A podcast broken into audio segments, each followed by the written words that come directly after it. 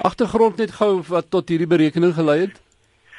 Ja, eintlik het die Hubble teleskoop wat in 1999 1990 gelanseer is, uh so 'n nuwe wêreld oopgemaak met sy die fotos wat hy uh kon neem en tussen Junie 2004 en Maart 2005 het Hubble op hierdie uh galaktika afgekom. Uh dit dit staan bekend as EGS, is nou 'n baie groot naam, EGSZ S81. Nou daai EGS staan vir Extended Graph Strip. Dit en is vernoem na of of uitgebreide of uh, uh, graph strook as jy dit so noem. Dit is vernoem na 'n Princeton Universiteit se fisikus Edward Graff. Uh en hierdie hierdie galaktika is is uh, iets soos 30 miljard ligjare weg van ons af.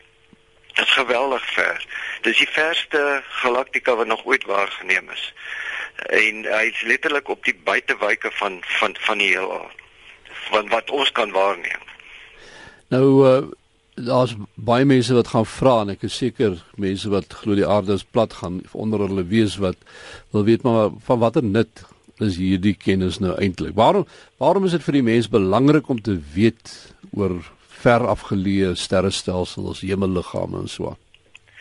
Wel, omdat die die die al so uh dinamiese uh entiteit is. Uh jy weet die interessantheid is dat in ons eie melkweg word is daar 'n netto ongeveer 7 sterre wat nuwe sterre wat per jaar gebore word.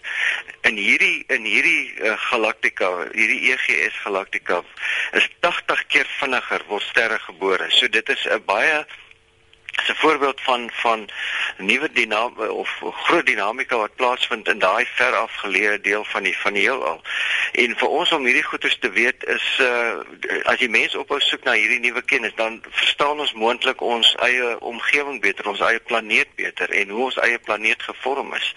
Uh en ons wil tog al daai dinge weet. Ons wil nie net in onkunde sit nie. Nou hier by ons het ons die groot uh, teleskoop of radioteleskoop projek die SKA.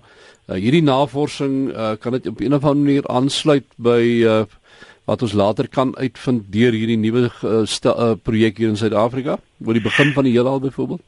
Ja, inderdaad, want die SKA gaan juis kyk uh na die vroegste vroegste moontlike uh waarneming uh natuurlik deur radiogolwe uh van van die heelal en en die, die, die terwyl hierdie uh, navorsing wat nou hierdie uh, galaktika gevind het deur teleskope gedoen is, uh uh visuele teleskope is die SKA natuurlik 'n radio uh teleskoop en dit uh die syne wat hulle probeer optel van die oerknal uh die oerknal het ongeveer 13,7 miljard jaar gelede plaasgevind en om te kan bepaal waar hoe dit gebeur het en ons want want hulle het 'n idee hoe dit gebeur maar daar is nog soveel vrae wat beantwoord moet word en die SKA sal baie beslis daartoe bydra.